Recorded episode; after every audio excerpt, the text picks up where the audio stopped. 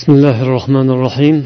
إن الحمد لله نحمده ونستعينه ونستغفره ونعوذ بالله من شرور أنفسنا ومن سيئات أعمالنا. من يهده الله فلا مضل له ومن يضلل فلا هادي له. وأشهد أن لا إله إلا الله وحده لا شريك له. وأشهد أن محمدا عبده ورسوله. أما بعد. عزيز برادر الله حرمتلي أكلر أكلر. Muhtarama opa singillar assalomu alaykum va rahmatullohi va barakatuh. Alloh taologa hamda sanolar rasulullohga saloti duolar bilan nazratun naim qomusi asosida o'tkazayotgan suhbatlarimizni davom ettiramiz. Biz sizlar bilan mana shu mavsuani o'qish o'rganish davomida inson hayot va sinov degan bir katta mavzuni tanladik. Va mana shu sarlavha ostida bir necha suhbatlarni o'tkazdik. Ya'ni biz inson nafsi haqida so'zlashdik undan keyin dunyo hayoti haqida gapirib o'tdik. Hozir esa shu suhbatning uchinchi bo'limiga keldik. Bu bo'lim qaysi mavzu edi? Sinovlar haqidagi mavzu edi. O'tgan safar biz mana shu sinovlarning tarbiyaviy ahamiyati haqida gapirdik. O'sha suhbatimizda boshida man bir narsani qoldirib ketgan ekanman.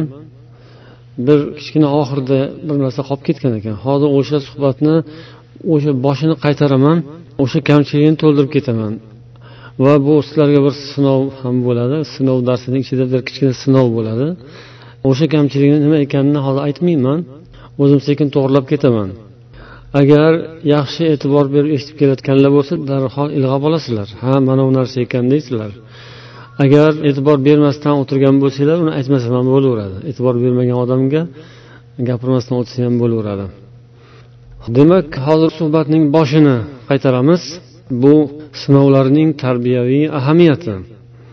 Alloh taolo inson hayotini sinovlar bilan to'lg'azgan. Hayot hammasi sinovdan iborat. Sinovlarni turlarini ko'rib o'tdik. Yaxshilik sinovi bor yomonlik sinovi bor. Yaxshilik sinovi ham ikkiga bo'linadi yomonlik sinovi ham ikkiga bo'linadi.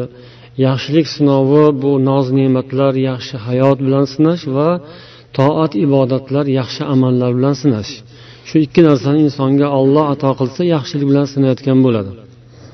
Ya'ni to'kin sochinlik farog'at ne'matni berib buni yonida yana ibodat toat halol pokiza umr kechirishni ham ato qilgan bo'lsa ikki xil sinov yaxshilik bilan sinovni olloh ato qilgan bo'ladi. Endi yomonlik sinovi bor.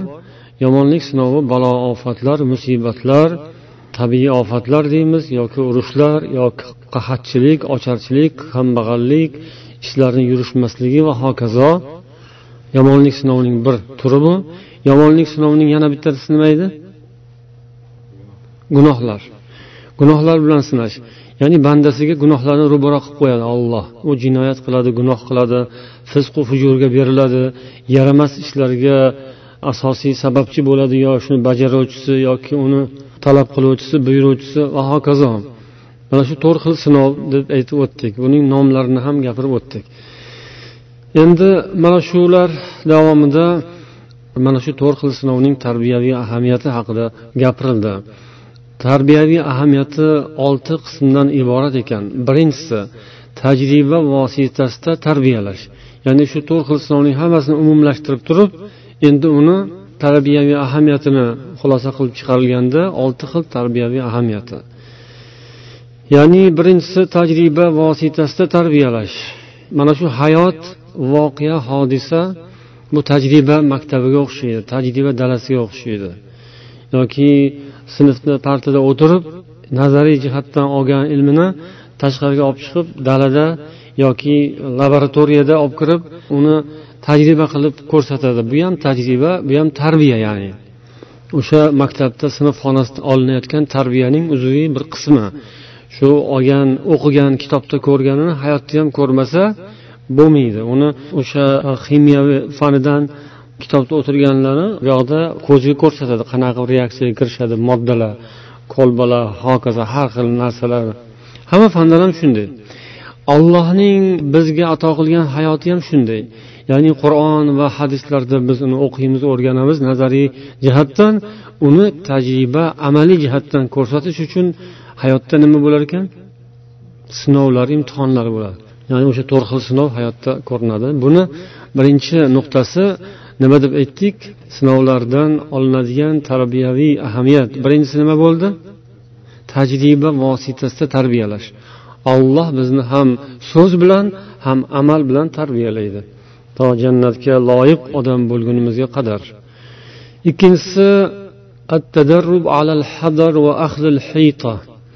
ya'ni insonlarni ehtiyotkorlikka o'rgatish. Qisqasi shu. Shu ehtiyotkorlik yo'lida ularni mashq qildirish. Mashqda har xil qiyin narsalar duch keladi. Ya'ni mashq qilayotgan mahalda sportchilar masalan bir ikkita mush yemay iloji yo'q. Yo biqiniga yoki boshiga yoki boshqa joyga tushib qoladi. Shunday qilib u dushmandan keladigan zarbalarga qanday qilib javob qaytarish yoki o'shaning qanday oldini olishni o'rganadi. Ya'ni ehtiyotkorlikka o'rgatish. Hayotda sodir bo'lgan voqea hodisalar insonni ehtiyotkorligini oshiradi. U uchun bu bir mashqdek bo'ladi. Shuning uchun mashq paytida u yoq bu yog'iga tushsa xafa bo'lmaslik kerak urushib qolmaslik kerak shu tufayli. Shu adovat qilib saqlab yurish kerak emas xuddi shunga o'xshab. Hayotda ham sodir bo'lgan balo ofat musibatlardan inson jahl qilib g'azab qilib achchiq qilib ya'ni ollohning taqdiriga achchiq qilishi ollohning dinida zarda qilishi mumkin emas. Qaytaga aksincha ehtiyotkorlikka o'rganishi o'zini kam joylarini nuqsonli yerlarini to'lg'azib olish kerak. Uchinchisi iktisabul quvva va shijoa fi muvajahatil a'da. Dushmanlar qarshisida kuch quvvat va shijoat kasb etish. Ya'ni dushmanlar bilan do'st dushman kofiru musulmon munofiqu aralash quralash bu dunyo shunaqa. Hammaga o'rin bor hammaga joy bor hammaga yo'l bor. Hammaga rizq nasiba bor. Shuning ichidan musulmon odam yo'l topib yurish kerak va o'sha dushmanlardan qo'rqmaslik ularni oldida yoki ularning atrofida vasvasaga yoki talvasaga tushmaslik shuni ro'barasida shijoat va quvvat kasb qilish kerak. Shijoat va quvvat kasb qilish uchun shuni ko'rsatmasa bo'lmaydi. U faqat gapirib sinfxonasida gapirib bunaqa dushman bo'ladi u bunaqa qiladi bunaqa qiladi deganni o'zi yetmaydi. Olib chiqib o'sha dushmanga ko'rsatish kerak. Alloh shu hayotda dushmanga ko'rsatadi musulmonlarni to'qnashtiradi urushtiradi. Faqat dahanak emas u boshqacha ham janglarga duch kelib qo'yadi fitnalarga makruh hiylalarga har xil narsalarga alloh taolo odamlarni ro'baro qiladi. Bundan ko'zlangan demak hikmatlardan biri yoki shuning tarbiyaviy ahamiyati o'sha odamlarda kuch quvvat paydo bo'ladi keyin. Ozgina yo'qotadi keyin yo'qotgan joyini to'lg'azishga harakat qiladi kuchliroq ko'proq bo'lib to'ladi va qalbida shijoat paydo bo'ladi. Bu ham bir odam ekanku. To'qnashmasdan boshqa qilmasdan ko'rinmasdan uni qo'liga tushmasdan va hokazo va hokazo odamning holati boshqacha to'qnashuvlar va hokazo ishlar bo'lgandan keyin insonni qalbida shijoat paydo bo'ladi ko'nikish paydo bo'ladi va bu musulmon odamlar uchun kerak insonning komil inson bo'lib tarbiyalanishi uchun shu narsa kerak bu nechta bo'ldi to'rtinchisi المعرفة المباشرة بأمراض النفس وكيفية علاجها nafsoniy ruhiy qusurlarni o'rganish va muolaja qilish Shu sinovlardan keladigan tarbiyaviy natijalardan biri demak inson nafsining ruhining qusurlari bo'ladi kamchiliklari bo'ladi. Har bir odam nafs sohibi ruh sohibi hamma odamda kamchilik qusur bor. Shu nuqson qusurlar va shunday hodisalar ortidan chiqadi. Hech narsa bo'lmasa hech narsa ko'rinmaydi. Jim turaversa turaveradi. U gapiradi harakat qiladi keyin uni qanday gapirishni qanday ishlashini qanday fikrlashini bilasiz uni ichidan kamchiliklari ham ko'rinadi shu hayotda sodir bo'ladigan fitnalar yoki yaxshiliklar yaxshilik bo'lsa ham yomonlik bo'lsa ham insondagi qusurlar kamchiliklarni ko'rsatadi va uni odam o'rganadi o'rganish kerak va uni tuzatish kerak muolaja qilish kerak beshinchisi تدريب القوى العقلية وتنشيطها للقيام بمهامها على الوجه الأكمل aqliy quvvatni rivojlantirish va uning to'laqonli ishlashiga erishish. Shu bo'layotgan bo'ladigan hodisa voqealar va sinovlarning natijalaridan biri shu. Inson aqliy quvvatini rivojlantirish. Insonni aqli bu ham bir o'sadigan narsa o'sadigan tushadigan narsa. U ham bir tug'iladi inson bilan paydo bo'ladi keyin o'sadi keyin orqaga qaytadi. Demak bu nechinchisi bo'ldi? Beshinchisi aqliy quvvatni takomillashtirish rivojlantirish va uni bor kuchi bilan ishlashiga erishish. Insonda mana shunday holatlar yuz bergandan keyin uni aqli taraqqiy topib boshlaydi. Ko'p narsaga aqli yetadigan bo'ladi. O'tgan suhbatda ham aytib o'tganimizdek kim tabib? Boshidan o'tgan tabib. Boshqa ko'p ish tushgan odamni demak ko'zi pishib aqli to'lishib boradi. Ish ko'rmagan doim bir joyda yashab tinch omon hech gap so'z yo'q fitna ham yo'q hech bir narsa ham bo'lmagan sinov ham bo'lmagan u tuvayda o'sgan gulga o'xshaydi uni shu tuvaydan bu yoqqa chiqarish kerak emas. U derazada chiroyli parda tutib o'sha yerda parvarish qilish kerak. Odam unaqa emas. Inson inson bu. Inson jannatga borishi kerak. Hali u manzilga yetguncha juda ko'p narsani boshidan o'tkazish kerak. Alloh shu hikmat bilan yuboradi.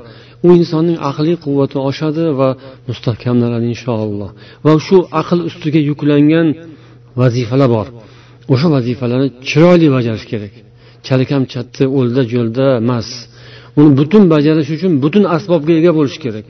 U butun asboblardan biri aql. Aql butun sog'lom bo'lsa yaxshi ishlasa u vazifasini yaxshi bajaradi inshaalloh. Oltinchisi qalbni tozalash va uni mustahkamlash. Tamhisul qalbi va tazkiyatuhu. Ya'ni inson qalbi tozalanib boradi. Boshiga ish tushsa kulfatlar kelsa yaxshilik kelsa yomonlik kelsa hammasi hammasi hammasidan natija bo'lishi kerak. Uni qalbi tozalanishi kerak. Tozalanadi. Hammaniki tozalanmayotgan bo'lishi mumkin lekin o'sha tozalanmayotgani nima bo'ladi? Imtihondan sinovdan o'tolmayotgan bo'ladi. Imtihon sinovdan o'tayotganlarniki qalbi tozalanib tushunchalari tiniqlashib yaxshilashib boradi. Demak bu suhbatimizning ibtidosi edi. O'sha qolib ketgan narsa ham o'tib ketdi mana hozir. Nima ekan? Oltinchisi rahmat. Ya'ni inson qalbining poklanishi tozalanishi ham sodir bo'ladi shu fitnalar asnosida. Ba'zi odamning qalbi tozalanishi mustahkamlanishi o'sha yaxshilik bilan bo'ladi. Boylik keladi ishlari yurishadi va hokazo. Bu sinovning bir turi. Ba'zi odamniki teskarisi bo'ladi kambag'allik bo'ladi ishlar orqaga ketadi. Shuni ichida uni qalbi tuzalib qoladi. U boylik hamma narsa to'kin sochinlik yurgan paytda qalbi xaralashib hali aytganlaridek ko'zi yog' bosib g'ofil shunaqa bo'lib yashaydida bir zarbalar kelib bir fitnalar boshlanib nauzubillah alloh asrasin bir ishlar teskari bo'lib charxpalak teskarisiga aylanib ishlar ostin ustun bo'lib ketgandan keyin ko'zlari ochilib u shu joyga kelib aqlni yig'ishtirib qalbini tozalashga boshlaydi. Xatolarni ko'ra boshlaydi. Manaqa manaqa manaqa ishlarni qiluvdim shuni kasriga bo'ldi shu tavba qildim istig'for aytib yo'lini to'g'irlab oladi va uni qalbi shu asnoda tozalanadi. to'rt xil sinovning boshqa turlarida ham shunday bo'lishi mumkin demak bugungi mavzuimiz shu tamhisul qalbi va tazkiyatuhu إذا كان العقل مناط التفكير والتدبر والتذكر ونحو ذلك فإن القلب محل الإيمان والمحبة والخشوع والخشية ونحو ذلك مما يسمى أعمال القلوب deb yozadilar mualliflar ibn taymiyaning kitoblaridan iqtibos keltirib U kishi aytadilarki aql bu tafakkur yurg'izish o'ylash eslash mana shu kabi ishlarning asbobi yoki vositasi. Aqlni vazifasi shu. Qalbning vazifasi esa iymon keltirish yaxshi ko'rish yoki yomon ko'rish xushu ya'ni allohga butunlay taslim bo'lib bo'ysunish xashiyat undan qo'rqish va hokazo. Bu ishlar nimani ishlari ekan? Qalbni ishlari. Buni amalul qulub deyiladi ya'ni qalb amallari deyiladi aql bilan qalb o'rtasida bog'liqlik bor deyishadi ulamolar aql qalb bir biridan quvvat oladi bir biridan foyda oladi فالقلب يتلقى ذلك النور الناتج عن معرفة العقلية الفطرية inson qalbining ma'rifati aqlining ma'rifati bo'ladi aqliy ma'rifat aqliy fitrat inson tug'ilganda sog'lom fitrat bilan tug'iladi. Uning aqli agar boshqa xalaqit beradigan zarar yetkazadigan narsalardan xoli ravishda taraqqiy topadigan bo'lsa u aqlda bir nur bo'ladi qalb ana shu nurdan foyda oladi va o'sha aqlning nuri soyasida qalb ollohni taniydi allohning dinini o'rganadi unga muhabbat paydo qiladi allohga chiroyli ibodat qiladigan bo'ladi. Shu aqli ustiga keyin keladi boshqa narsalar. Ya'ni oqil odam mukallaf bo'ladi. Ya'ni islomga da'vat taklif qilish uchun aql bo'lishi kerak. Alloh asrasin aqldan ojiz aqldan ozgan odamlar islomga taklif qilinmaydi. Aql sohiblari islomga iymonga taklif qilinadi. Aqli sog'lom odam iymonga keladi. Aqlning nuri bo'ladi. Aqlning nuridan demak qalb quvvat oladi va ana shu bilan u ollohni taniydi va allohga muhabbat va uning ibodatlariga qiziqish muhabbat paydo qiladi. Amalul qulub esa ya'ni qalb amallari bular iymon shoxchalaridir. Iymonning oltmish yoki yetmishdan ortiq shoxchalari borligini bilasizlar. Qalb amallari deganda shu narsalar tushuniladi. Bular insonning qalbiga bog'liq qalbda bo'ladigan yaxshi xislatlar yaxshi amallar ibodatlar bu demak aql bilan qalb o'rtasidagi bog'liqlik haqida gap ketyotibdi aqli bor odamning xulqi ham chiroyli amallari ham chiroyli ibodatlari ham chiroyli takomillashib boradi. Aqlda nuqson bo'lsa aql kam bo'lsa uning xulqi ham shunda aks etadi. Uni amallarida ham ibodatlarida ham iymonida ham bu narsa o'zini aksini ko'rsatadi. Va uning demak qalbi ham tozalanmaydi. Uni ustiga kelgan balo ofatlardan ham u to'g'ri xulosa chiqara olmaydi. Yaxshilik kelsa ham yomonlik kelsa ham natijasi yaxshi bo'lmaydi. Aql va qalb agar tiniq bo'lsa chiroyli bo'lsa yaxshi bo'lsa inshaalloh unga sinovlar foydaga qoladi. Ya'ni unga balo kelsa ham unga ne'mat kelsa ham alhamdulillah deydi va shundan faqat foyda hosil qiladi. Va jumladan sinovlar uni qalbini tozalaydi. إن للابتلاء دورا عظيما في تمحيص القلب أي تخليصه من الشوائب غير الإيمانية إيمانga xilof keladigan har xil qo'shimcha aralashma narsalardan xiltlardan deyishadi qalb tozalanadi mana shu sinovlar natijasida va bundan keladigan hosila u insonning qalbida xashiyat xavf va rajo mana shunga o'xshagan yaxshi xislatlar paydo bo'lishi. Ya'ni shuni paydo bo'lishi kutiladi undan agar ya'ni bunday hodisalar tarixda ko'p bo'lgan payg'ambar sollallohu alayhi vasallam zamonlarida ham badr jangi uhud jangi va hokazo janglar ya'ni eng qiyin holatlar yoki boshqa mana shulardan musulmonlarni aqllari tiniqlashib qalblari sog'lomlashib o'zlaridagi xatolar kamchiliklar qalblarida yopishgan illatlar inson dilida bo'ladigan qalbida bo'ladigan qusurlar kamchiliklar iymonga xilof shu narsalar ko'pi oddiy odamlarga ham tushunarli riyo bo'lsin yoki kibr bo'lsin yoki dunyoga hirs bo'lsin bular qayerda bo'ladi bular. Bular hammasi qalbda bo'ladi. O'sha narsalardan inson tozalanishi uchun bir nima bilan ishqalanish kerak. Ishqalab tozalaydigan narsalar bo'ladiku yaltillatadi o'sha. U endi yoqimli narsa bo'lmaydi u ancha yoqimsiz narsa bo'ladi. Jilvir degan narsa bo'ladi yoki qayroq degan narsa bo'ladi yoki yana shunaqa bir ketmaydigan narsalarni ketkazadigan kislotalar bo'ladi dorilar bo'ladi uni ehtiyot qilinadi undan ehtiyot bo'linadi. Ayniqsa bolalar ehtiyot bo'lsin deydi. Uni og'zini mustahkamlab bir joyga qo'yib qo'yiladi. Lekin kerak bo'lganda ochiladi o'shani. O'sha kislotani quyiladi. Uning vazifasi borda uni ya'ni o'sha zang bosgan narsalarni zangini ketkazib beradi. Ketmayotgan narsalarni tez o'chirib beradi. Xuddi shunga o'xshab qalbga yopishgan kirlar bo'ladi kibr bo'ladi qalbda hirs bo'ladi qalbda riyo bo'ladi qalbda maqtanchoqlik bo'ladi qalbda manmansirash bo'ladi qalbda katta katta narsalarni orzu qilish bo'ladi qalbda hokimiyatni minish bo'ladi qalbda milliarder bo'lish bo'ladi. Va hokazo va hokazo. Buni salbiy tomonlari bor. Uning ijobiy tomonlari ham bor. Lekin ko'proq odamlarga bu narsani aksi uradigani salbiy tomon aksi uradi. Inson zoti shunga berilib yo'ldan qolib ketadi. Bunday narsalar allohning huzurida pashsha qanotichalik ham qadri yo'q. Shuning uchun bandalar bunday narsalarga berilib qolmasliklarini istaydi va bundan faqat vosita maqsad sifatida foydalanishlarini istaydi. Maqsad alloh roziligini topish maqsad manzil allohning jannatiga sazovor odam bo'lish. Shu yo'lda sizga mana shu narsalar kerak bo'ladi. Lekin uni odam ajratmaydi ba'zan. Maqsadni shundan iborat deb bilib qoladi.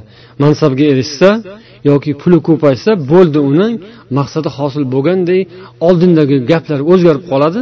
Oldin qo'liga pul tushmay yoki ishlari yurishmay turgan paytda chiroyli chiroyli gaplarni gapirardi. Agar bizda pul bo'lsa falon qilamiz agar biz ishimiz yurishib ketsa piston qilamiz o'sha narsa bo'lgandan keyin u gaplar o'zgarib boshqa narsa bo'ladi. Alloh taolo esa boshqa narsani istaydi bizdan ya'ni bu narsalar hammasi zarraga ham arzimaydigan narsalar.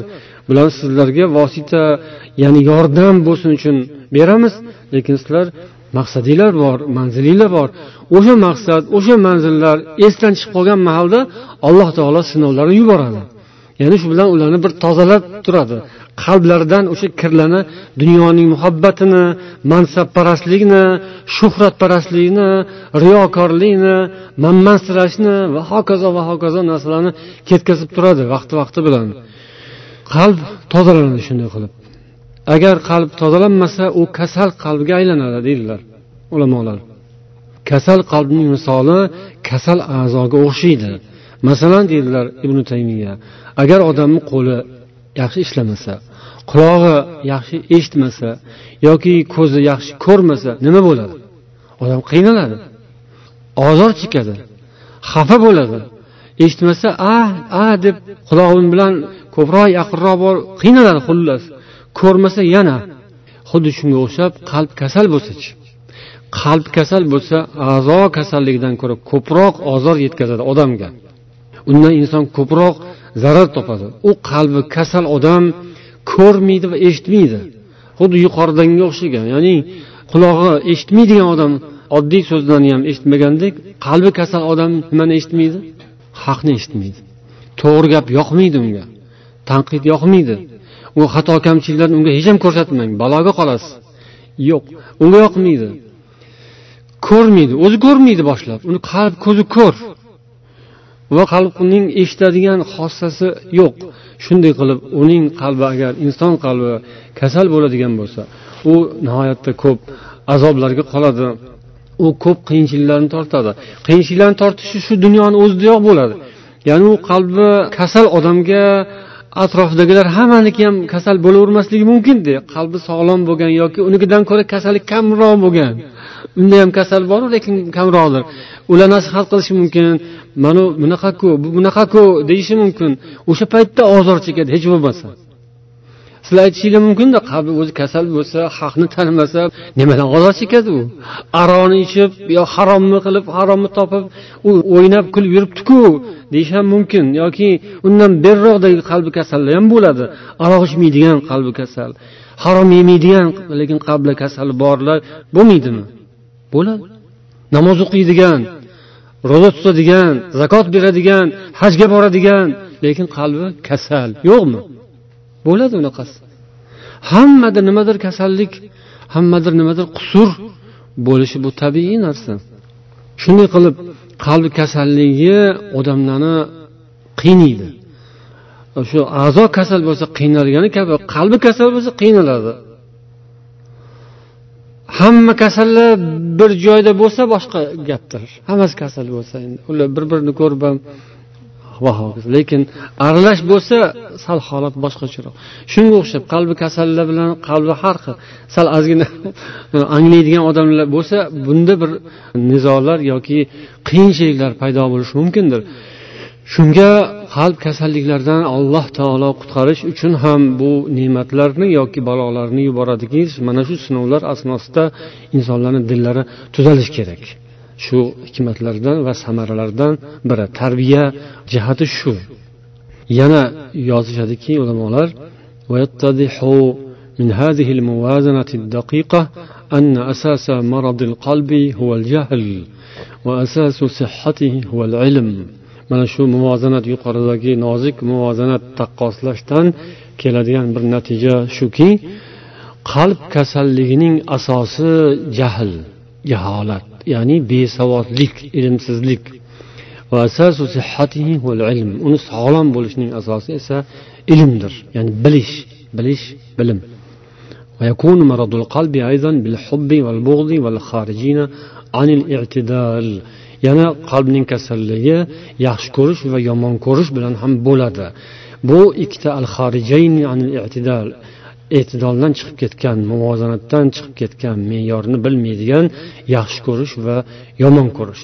Demak qalbning kasalligi ikkita narsada ekan. Nima nima ekan? Birinchisi jaholat besavodlik. Ikkinchisi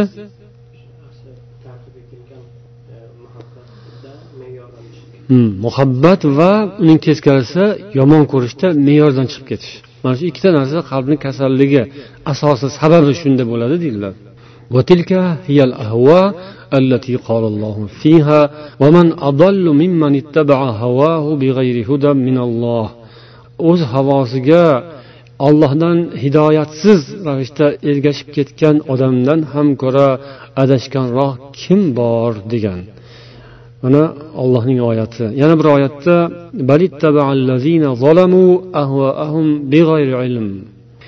zulm qilgan kimsalar o'zlarining havolariga ilmsiz ravishda ergashib ketdilar deydi. Shunday qilib qalbning kasalligi haqida gapirdik uning yomonligi lekin shu yomon narsani muolaja qilish kasallikni tuzatish uchun uni ildizni bilish kerak. To'g'ri tashxis qo'yish kerak ya'ni diagnoz. Keyin u kasallik tuzaladi inshaalloh.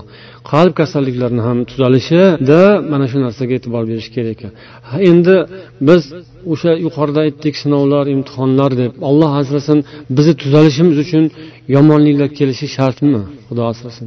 Balolar ofatlar va hokazolar bo'lishi shartmi? Olloh asrasin. Bo'lmasin deymizda ey xudoyo tavba qildik gunohlarimizga xatolarimizga tushundik. Tushunamiz xudo xohlasa harakat qilamiz harakat qilyapmiz. Balolaringdan asragin ofatlaringdan asragin deymizda gunoh va ma'siyatlardan asragin deymizda haligi sinovlarni to'rt xildan ikkitasini tanlaymizda. Ikkitasini tanlamaymiz qo'rqamiz yomon ko'ramiz nafsimizga yoqmaydi aqlimizga ham yoqmaydi. Ey xudoyo asragin. Lekin xudo o'zi biladi. Olloh xohlaganini qiladi. Xohlaganini beradi. Biza esa o'zimizga yoqqanini tilayveramiz. O'shanga yarasha harakat ham qilishimiz kerak. Ya'ni biz qalblarimizni tozalanishi uchun o'shanaqa balo musibat va hokazo xudo asrasin olloh asrasin. Ey olloh o'zing u narsalarni ko'targin bizdan uzoq qilgin. Bizga yaxshiliklaringni bergin. Ibodat qilaylik ilm o'qiylik taqvo qilaylik yaxshiliklaringni bergin deb so'raymiz. Qalbimizni davolashni ham o'zimiz tezroq chorasini o'zimiz ko'rganimiz yaxshi. Ya'ni shunday qiyinchiliklarni olib qolib keyin odamlar tuzalishi yaxshi bo'lmaydi. Ya'ni odamlarga og'ir keladi bu narsa. Inson qalbining kasalligini asosini bilib shuni o'zi tuzatishga harakat qilgani yaxshi olloh muvaffaq qiladi inshaalloh. Shunday qilib qalb kasalligi savodsizlik va haddan oshishda bo'lar ekan. Savodsizlik ya'ni ilmsizlik. U ilmning doirasi keng albatta boshlanishi iymon islom ilmi qur'on va hadis ilmi. Olloh buyurgan payg'ambar olib kelgan bizga o'rgatgan ilm va uning keyinida uni yonida to'lg'azuvchi bo'lib yordam beruvchi bo'lib dunyoviy bilimlar turadi. Ikkalasidan bittasini o'zini ushlagan odam maqsadiga erisholmaydi maqsadi hosil bo'lmaydi. Bu jihatiga e'tibor berishimiz kerak bo'ladi. O'sha agar biz to'g'ri tarbiya olsak to'g'ri ilm o'qisak o'rgansak va o'qitsak bolalarimizga ham to'g'ri tarbiya bersak inshaalloh ular har qanday holatda ham to'g'ri fikrlaydigan bo'ladi.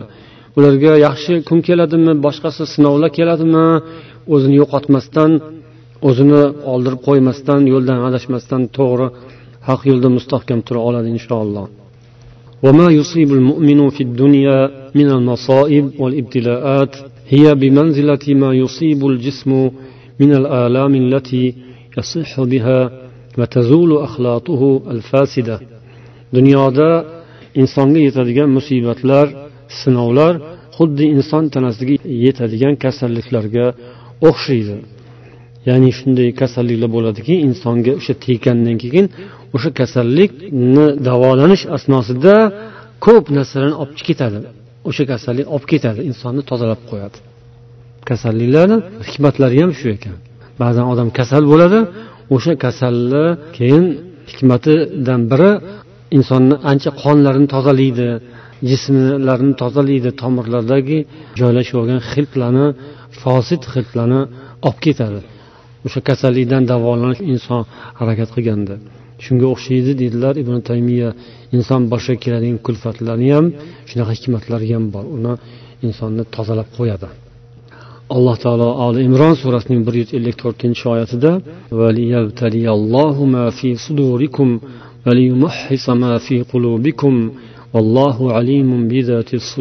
degan. Olloh sizlarning ko'kraklaringizdagi narsalarni sinab ko'rish uchun va qalblaringizdagi ortiqcha narsalarni chiqarib tozalab qo'yish uchun sizlarga ibtilo balolar sinovlar yuboradi.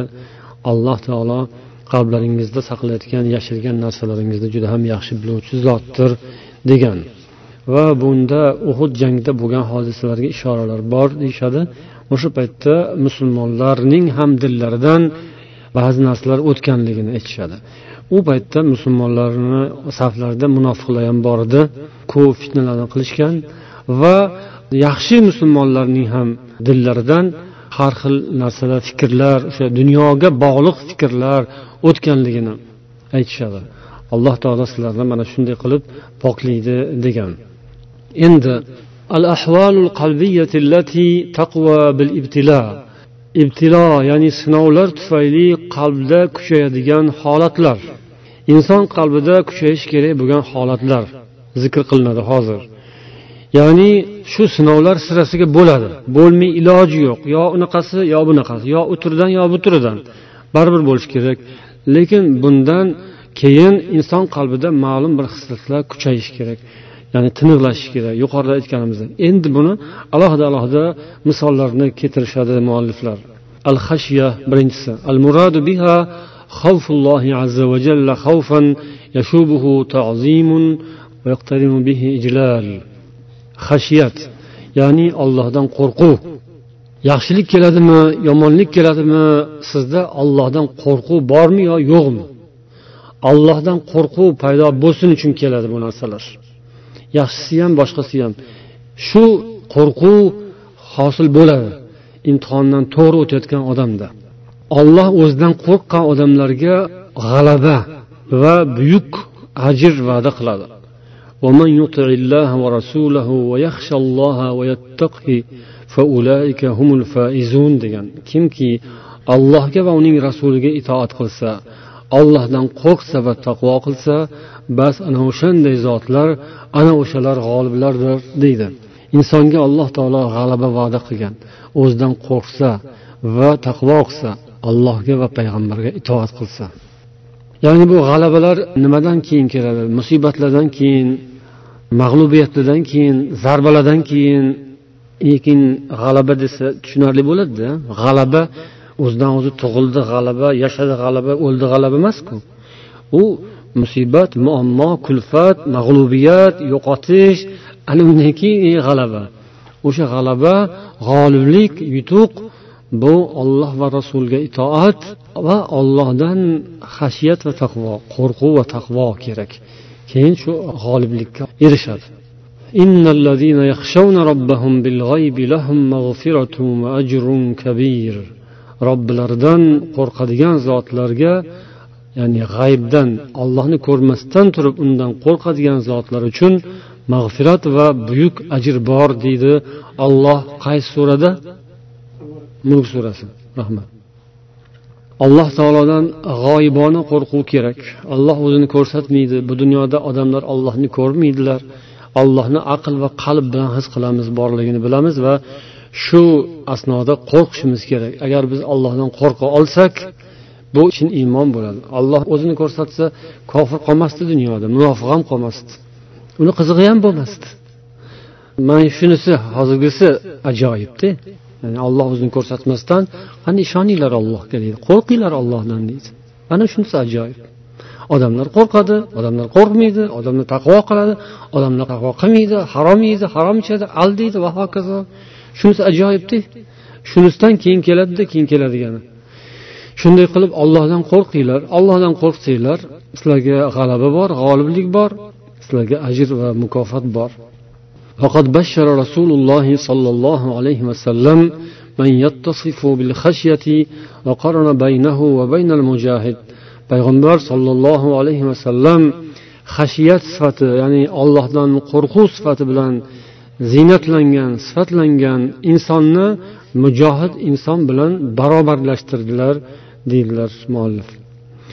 Ya'ni hadisda keladiki aynani la nar aynun bakat min xashyatillah va aynun batat tahrisu fi sabilillah. Ikkita ko'z bor uni do'zax kuydirmaydi. Biri ollohdan qo'rqib ko'zdan yosh to'kkan ollohdan qo'rqib yig'lagan ko'z ikkinchisi olloh yo'lida shu o'ziga berilgan hududlarni himoya qilgan ko'z. Ravohi termiziy ollohdan qo'rqib kim ko'zidan yosh to'kadi? Iymoni bor odam oxiratga ishongan do'zax azobidan qo'rqadigan jahannam qiyomat dahshatlaridan qo'rqadigan uni biladigan avvalo bilish kerak. Bilmasa nimadan qo'rqadi? Qabrda nima hodisalar bo'ladi? Qiyomat kuni nima ishlar bo'ladi?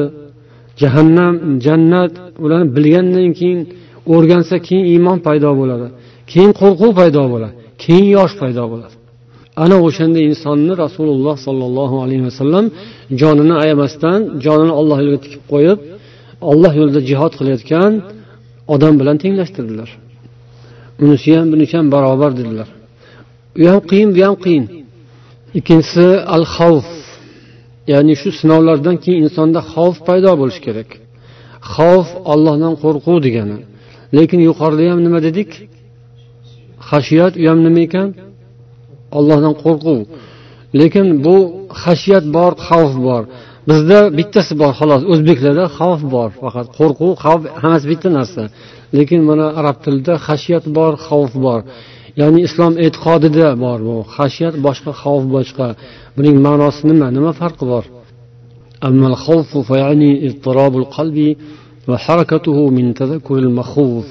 Xavf bu qalbni titrashi harakatga kelishi. Qo'rqiladigan zotni eslaganda qalb titrashi bu harakatga kelishi mana shu xavf bo'ladi. Endi feruzobodiy xashiyat bilan xavfni o'rtasidagi farqni yozib aytgan ekanlarki al xashyatu ahassu minal xavf. Xashiyat xavfdan ko'ra torroq ma'noda xosroq ma'noda. Xashiyat ollohni biladigan olimlarga xos. Kim ollohni ko'proq bilsa o'shanda xashiyat paydo bo'ladi. Bu ilmga asoslangan ilmga tanishga yaqin bo'lgan xavf bo'ladi. Shuning uchun payg'ambar sollallohu alayhi vasallam aytganlar inni atqokumulloha va ashaddukum lahu xashyatan men sizlar ichingizda olloh huzuridagi eng taqvolilaringiz va ollohdan eng ko'p qo'rqadiganingiz manman deganlar. Chunki ichimizdagi ollohni eng ko'p taniydigan biladigan o'sha zot. Kim ollohni ko'p tanisa bilsa demak unda xashyat bo'lar ekan. xavf boshqa narsa ekan xashyat uning ustida turar ekan xosroq torroq ma'noda xavf bu harakat xashyat esa tinchlanish yig'ilish jim bo'lish sukun فالخوف لعامة المؤمنين والخشية للعلماء العارفين خوف omma mo'minlar uchun xashyat esa orif olimlar uchun orif degani taniydigan ollohni yaxshi taniydigan Olimlar ham ko'p. Lekin ollohni yaxshi tanimaydigani ham ancha muncha chiqadi? Ollohni yaxshi taniydiganida hashyat bo'ladi. Ollohni uncha yaxshi tanimaydiganida demak xavf bo'ladi. Omma odamlarda hammasida xavf bo'ladi. Xavf bo'lsin ilohim eng birlamchisi bu. Birinchi asosi bu. Xavf bo'lsin hammamizda. Allohdan xavf. Keyin o'sha xavf kuchaygan sayin amallari yaxshi bo'lib dili tiniq bo'lib qalbi poklanib boradi o'sha odamni.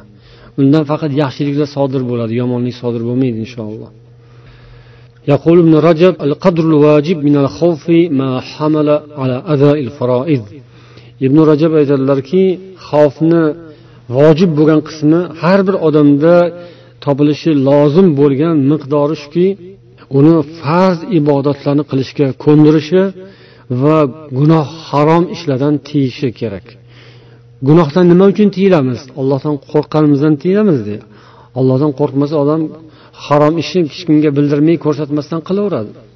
Farz ibodatlarni nima uchun qilamiz? Allohdan qo'rqqanimiz uchun qilamiz jamoatga yetolmasak ham uyda o'qiymiz yoki hech kim ko'rmasa bilmasa ham ro'zani tutamiz. Qo'rquv uchun bu farz miqdori ya'ni vojib miqdori shu. Lekin undan ziyodasi ollohdan bo'lgan xavf kuchaysa u odamning nafl ibodatlari ko'payadi va u odam makruh oddiy sal shubhali narsalardan o'zini tiyadi ya'ni haromga kirib ketib qolishdan qo'rqib shubhali ishlardan ham o'zini tiyadi bu uning xavfi kuchaygani iymoni kuchaygani alomati undan keyingisi xushu xushu degani bu والحق أنه يلتئم من التعظيم والمحبة والذل والانكسار allohni ulug'lash uni yaxshi ko'rish uni huzurida o'zini xor tutish va o'zini juda ham past olish bu xushu bo'ladi. Ya'ni shu boshingizga tushgan yoki bo'layotgan ishlardan sizda shu meva bersin. Ho boylik kelayotgan bo'lsin sizga ho musibat kelgan bo'lsin. Mana shu sifatlar talab qilinaveradi. Unisidan ham bunisidan ham. Sizda qo'rquv paydo bo'lsin. Ya'ni shu ishlar sizni qo'rqitsin. Pulingiz ko'paygan bo'lsa qo'rqing. O'ziz toping uni ma'nosini nima uchun qo'rqaman deyishi mumkin. Nima uchun qo'rqadi deyishi mumkin. Agar buni sharhlasak gap gapirishimiz mumkin cho'zilishi mumkin. Lekin islomdan iymondan ilmdan xabar bo'lgan odamlar o'zi buni tushunib ola oladi inshaalloh. Qo'rquv xavf va yana xushu ya'ni bor vujudi bilan allohga bo'ysunish taslim bo'lish va keyingisi rajo. والمراد به النظر إلى سعة رحمة الله تعالى الله نين رحمة نهاية كين إكاننا مشاهدة قلش والثقة بجوده وفضله وكرمه الله نين سخاوة جود كرمه فضل مرحمة لرى كين إكاننا o'ylab ishonib shundan umid qilish ya'ni boshingizga ish tushganda qiyinlashganda hatto boyligingiz ko'payganda ham mana bu yerda ham bir savol chiqadi boshiga ish tushgan qiyinlashgan og'ir kulfat qamoq yo qiynoq olloh asrasin olloh ozod qilsin birodarlarni. O'shanday insonlarga allohning marhamati keng alloh taolo yordam beradi nusrati ozodligi allohning fazlu marhamatining kengligi deb gapirilsa tushunarli tushunarli tushunarli. Ho'p ho'p ho'p yomonni bergan yaxshini ham beradi. Ollohniki kamaymaydi. Umid uzmang rajo. Ollohdan hech qachon umidsiz bo'lmang. Ollohdan umidsiz bo'lgan joyda yiqiladi odam. U qiynoqlar boshqa uni a'zoy badanlarini sindirib tashlaganda ham sinmasligi mumkin. Agar allohga bo'lgan ishonchi sinmasa umid uzilmasa lekin umidi uzilgan bo'lsa ollohdan uning yordamidan nusratidan uning qudratidan azamatidan umidi uzilgan bo'lsa xudo asrasin u hech narsani ko'rmasdan sinadi. U bir mush yemasdanoq hamma yog'i ko'karib ketadi. U qiynoq ko'rmasa ham adoyi tamom bo'ladi. Billah alloh asrasin. Musulmonlar mo'minlar yoshlar hammamiz ham to'g'ri tarbiya olishimiz kerak. Allohdan umidimiz mustahkam bo'lishi kerak. Hech qachon umid uzilmasligi kerak. Endi boyliklari oshib toshib ishlari rosayam rivojlanib yurishib ketayotgan hamma yog'i tep tekis hammasi to'la bo'lib turgan odam nimadan umid qiladi? Unga umid rajo degan so'zni qanday uqtirib bo'ladi? U odam umid va rajoni qanday tushunadi? Nima deysizlar? Kun ko'rgan qolganga umid desa xayr tushunarli. O'zi yaxshi kun kechirayotgan bo'lsa u nimadan umid qani jannatdan umid yana? Allohning rahmatidan. Ollohning beradigani bu sizni topganingizdan ko'p. Bu siz milliard topgandirsiz. Uni yana oshirmoqchidirsiz. Va hokazo qatgacha borasiz. Oxiri bormi bunikini? Bir chegarasi bormi? To'yadigan yeri bormi? Bo'ldi degan yeri yo'q. Bu nafs hech ham to'ymaydi. Nafsning bir ta'rifini haligacha keltira olmayapmiz. Biz necha soatdan necha kundan beri nafs haqida gapiramiz. Nafs shunaqa bir maxluq bir g'aroyib ajoyib maxluqki uni olloh har bir inson ichiga solib qo'ygan. Bir bir mo'jiza allohning mo'jizasi. Nafs to'ymaydi hech qachon. Nafs hech qachon bo'ldi demaydi. Allohning marhamati keng allohning rahmati keng. O'sha ollohning rahmatiga erishsak endi ana undan keyin nafs ham orom oladi mutmainna inson ruhi ham. Bu dunyoda agar inson ishlari yurishib boyliklari oshib toshib ketayotgan bo'lsa albatta ollohning rahmatidan umid qilsin. Ollohning yaxshiliklaridan umidini uzmasin o'shanga bog'lasin. Umidni rajoni allohga bog'lash kerak.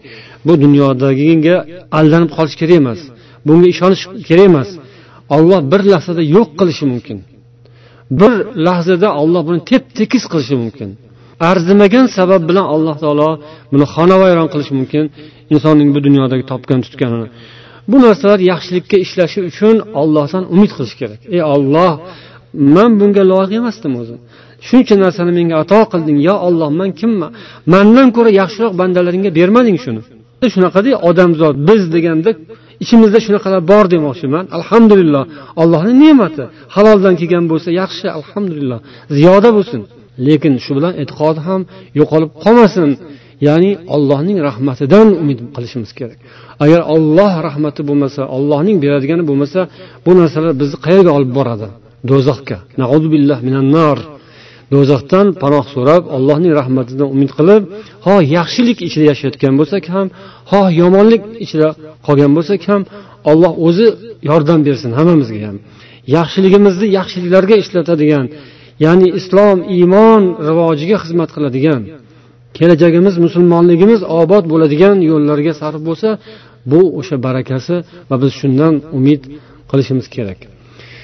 Umid qiluvchilarning eng hammamiz uchun namuna bo'ladigan zot alloh taolo ato qilgan bizga payg'ambar qilib yuborgan muhammad sollallohu alayhi vasallam u kishi haqlarida olloh ahzob surasida لقد كان لكم في رسول الله أسوة حسنة لمن كان يرجو الله واليوم الآخر وذكر الله كثيرا degan ya'ni ollohning rahmatidan rajo umid qiladigan oxirat kunidan umid qiladigan va allohni ko'p zikr qiladigan bandalar uchun sizlar uchun rasulullohda chiroyli namuna bor deydi alloh taolo.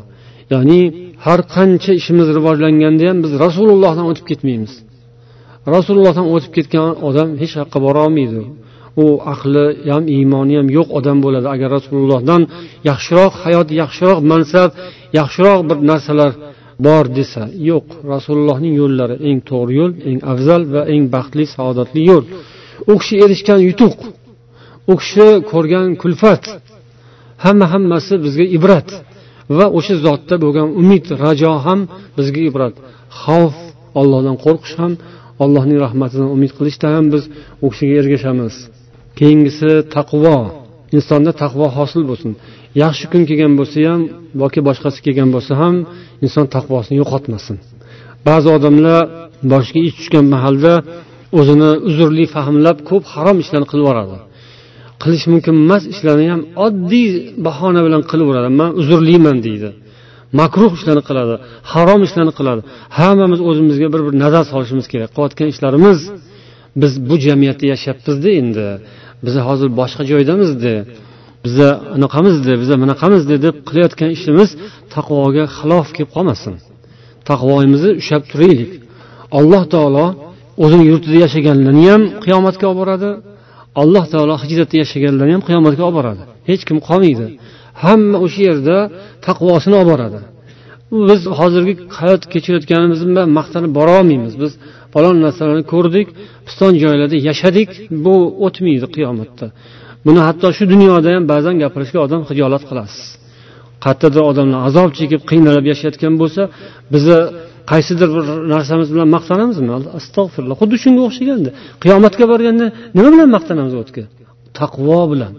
Biz taqvoni man manaqa sharoitga tushib qoldim manga uzr deb yig'ishtirib qo'yib boshqa ishlarni qilaversak nafsimizga yoqadigan ishni nafsimizga yoqadiganga fatvo to'qib olsak fatvolar topib olamiz tez tez u yoqdan bu yoqdan qidirsak fatvo beradiganlar ko'p dunyoda. Topib beradi bizga yoqadigan fatvolarni. Olib o'zimizga yopishtirib ha biz palonnaqangi edamizda shuning uchun bizga bo'laveradi bu narsa deb yurgan bo'lsak biza taqvomiz ketib qolmasin. Astag'firulloh. Ho yaxshi kun ho qattiq kunda odamda taqvo o'sish kerak. Bu sinovlardan uning tarbiyaviy ahamiyatlaridan biri shu sinovlardan olinadigan xulosalar. Taqvo mana bu yerda deb payg'ambar sollallohu alayhi vasallam ko'kraklariga ishora qildilar. Taqvo qalbda bo'ladi. Qalb demak tozalanadi inshaalloh.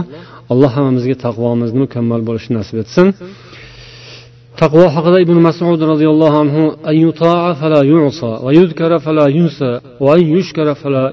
deb aytgan ekan. Taqvo nima deganda ollohga itoat qilish osiy bo'lmaslik ollohni zikr qilish uni esdan chiqarmaslik allohga shukur qilishlik unga kofir bo'lmaslik ya'ni kufroni ne'mat qilmaslik. Keyingisi istiqomat birodarlar. Istiqomat nima degani? Istiqomat qiyom degan so'zdan olingan tik turish degani.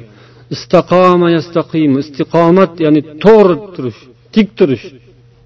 Qiyshaymasdan egilmasdan u yoqqa bu yoqqa moyil bo'lmasdan tik to'ppa to'g'ri adil turib borishni istiqomat deydi. Istiqomat eng qiyin ishlardan biri. Istiqomat dinga kirgandan keyin islomga kirgandan keyin turib berish bir yo'lga kirgandan keyin haq yo'l bo'lsa turish. Xatosi bo'lsa to'g'irlanadi xatosini. Xatosida turib berish emas. Botillik turib berish emas. Yo'q xatoni tuzatiladi o'zgartirish mumkin.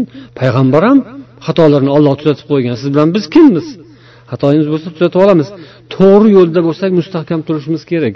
Islom iymon yo'li ahli sunna va jamoa yo'li to'g'ri yo'l birodarlar. Shunga tushganmizmi? Alhamdulillah. Mana shunda mustahkam turishimiz yaxshi narsa. Payg'ambar sollallohu alayhi vasallamdan bir sahobiy kelib manga bitta so'zni o'rgating. Islomda o'shani shu so'zlar ko'p deganda aytganlar. Qul amantu billah summastaqim amantu billah deb aytginda keyin mustahkam turgin shu yo'lingda. Endi shu amantu billahni ichidada hammasi. Hammasini rasululloh jamlab bitta joyga tugib berdilar. Ya'ni ko'payib ketdi deganga kamaytirib bermadilar. Aslanga ko'payib ketdim bo'pti. Mana mana bu narsalarni san qilmasang bo'ladi emas. O'shanga ham hammasini yig'ishtirib bitta qilib tugib mana. Qul amantu billah summastaqim amantu billah deb aytgin va keyin shu yo'lda mustahkam turgin. Endi o'sha amantu billahni ichiga kirishimiz ichidagi hamma narsani olib qalbimizga jo qilib hayotimizga tadbiq qilishimiz kerak. Alloh hammamizga shu yaxshiliklarni o'zi muvaffaq qilsin. bizga berayotgan sinovlar yaxshilik bo'lsin yoki boshqa hammasidan chiroyli muvaffaqiyat bilan o'tishimizni allohdan so'rab qolamiz. Subhanakallohumma va bihamdik. Ashhadu an la ilaha illa anta astag'firuka va atubu ilayk. Assalomu alaykum va rahmatullohi va barakatuh.